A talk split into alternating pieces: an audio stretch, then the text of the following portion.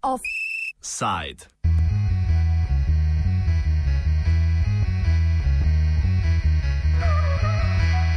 Slovenskih knapov dan. 3. julija se obeležuje Dan slovenskih rudarjev. Tokratno obeleževanje tradicionalnega dne je potekalo nekoliko drugače. Rudarji se namreč v današnjih dneh soočajo s prenekatero težavo, zaradi česar so prisiljeni vse bolj drastične ukrepe. Dan, dan rudarjev so trbovski in velenski rudarji preživeli družno, na stavki. Rudari rudnika Velenje so pred tremi dnevi začeli spontano stavko. V znak podpore so se jim pridružili rudarje rudnika Trbovlja Hrastnik, ki so ravno kar oznanili zaključek svoje stavke in razpustili svoj stavkovni odbor. Eden izmed stavkajočih rudarjev v velenskem premogovniku, Aleksandr Kavčnik, nam pojasni njihovo posebno obeležitev praznika rudarjev.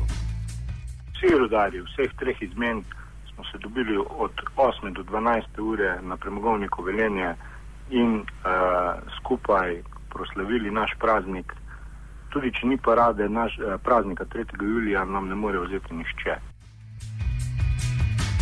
Velenski rudarji so svojo spontano stavko začeli pred tremi dnevi. Zanimalo nas je, kako poteka njihova trenutna stavka. Več o tem, Aleksandr Kavčnik. Ja, spontana stavka se zelo razširila. Danes smo dobili veliko podporo od SDF, eh, sindikatov, energetike. Vsi eh, nas podpirajo in bodo po teh podatkih, ko smo jih dobili, tudi oni napovedali stavko, da bodo tudi oni začeli stavkati.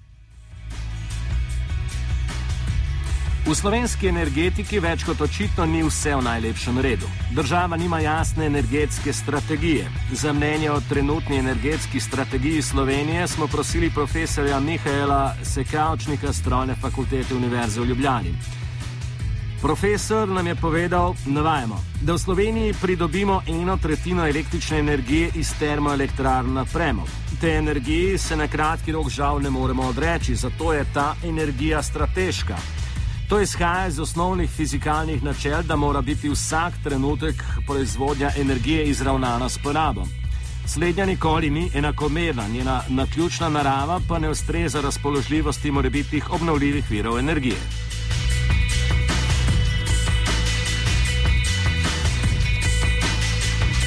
Vendar investicija v šesti blok termoelektrarne ne predstavlja nujno stabilizacije slovenske energetike. O širših vplivih investicije v šesti blok termoelektrarne Šoštan smo poprašali novinarko dnevnika Katijo Svenšek. Ne vem, če lahko grozi preskrbo z električno energijo, lahko pa do dobra, ne da lahko, ampak že maje enega od energetskih stebrov in to je holding slovenske elektrarne. Uh, holding slovenske elektrarne, ki je lastnik obeh termoelektrarne Šoštan in premogovnika Velenje, uh, vse napore trenutno usmerja v to, da zagotovi sredstva za, za blok 6. Uh, ta sredstva zagotavljajo recimo v tem trenutku tudi uh, dobičkonosne dravske elektrarne, ki potem je HSE včeraj prodal uh, delež v, v, v savskih elektrarnah drugemu, del, drugemu stebru geno energije. Uh, zdaj, dokot predsednik, generalni direktor holdinga Slovenske elektrarne je sam dejal, da, da, da bo potreba počasi pogledati, do, da je sicer kot lastnica odgovorna za to, da pomaga, zagotavlja likvidnost obima družbama, uh, ampak da pa je vseeno počas potreba pogledati, pač do katere mere se še to lahko, uh, še lahko uh, uh, daje.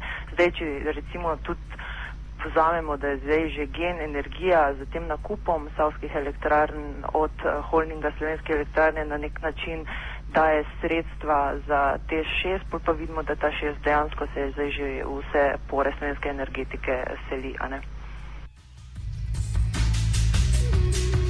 Eden izmed glavnih predmetov spotike med rudarji in njihovim vodstvom predstavlja določitev cene premoga.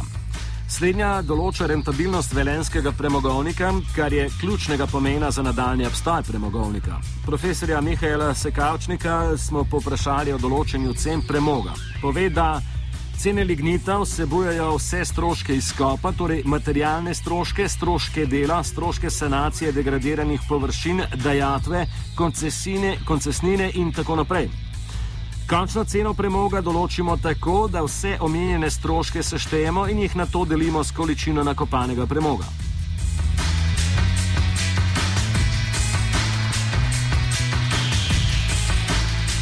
O načinu določanja cene premoga pri termoelektrarni Šoštan več škatja Svenšek. Dejstvo pa je, da vse skozi opozarjamo, da cena 2,25 evra za gigajoule ni vzdržna, vsaj ne za premogovnik velenja, na drugi strani pa je menda samo po tej ceni vzdržna ekonomičnost projekta termoelektrarne Šoštan oziroma bloka 6. Zdaj, problem je v tem, mislim, problem pač termoelektrarna Šoštan oziroma Šoštan in Velenje so vse skozi živeli dolga leta v eni simbiozi, uh, ne morajo eni brez drugega. Um, zdaj se je to pokazalo, da vsa ta ekonomika temelji tudi na tej nerealni ceni, vse z vidika premogovnika Velenje. Uh, Rudarji zahtevajo, da se cena zviša na 3,25 evra, uh, ampak tako kot sem dejala, v, pri tej ceni uh, šesti blok uh, ni ekonomičen, ni vzdržen na srednji rok. Če termoelektrana Šoštan pade, pade tudi premogovnik velenje, ker za pač ta lignit, ki ga oni proizvajajo, kupca v takšnih količinah ne morejo najti. In če so še tako jo zgledali, da ne vem, par dni nazaj, da, da ne vidijo čez planke eni do drugih. Uh, tako, čist, če lahko čisto preprosto povem, no, se zdaj pa zdi, da so se pa nekako začeli zavedati, da bodo morali najti eno srednjo pot. Zdaj država se je zavezala, da bo cena lignita uh, iz velenja v, v Šoštanju za blok 6 znašala 2,15 evrov. Ta cena je bila postavljena leta 2004, uh, še vedno je v vseh pogodbah, zavezah obljubljena bankam, investitorkam, ki so, ki so financirali ta projekt. Uh, kako se bodo dogovorili, kako bodo prišli ven iz tega zapleta, ne vem. Za konec se Kalšnik še poda oceno o bodočnosti naše premogovniške dejavnosti glede na trenutni potek dogodkov. Navajamo. Trajnostna doba elektroenergetskih objektov je 40 let. To je ravno pravšna doba, da se družba z jasno razvojno paradigmo, ki je slovenska politična, politična stvarnost na žalost ne premore, lahko opremi z znanjem, kadri in tehnologijo.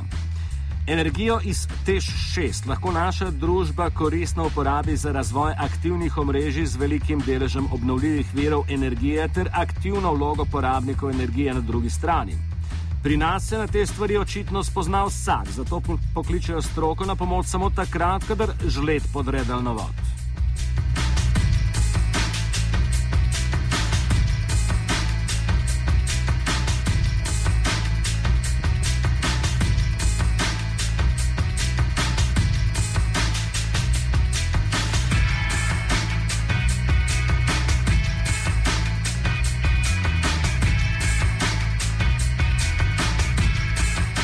Offsajdu sta kopala Martin in Leo.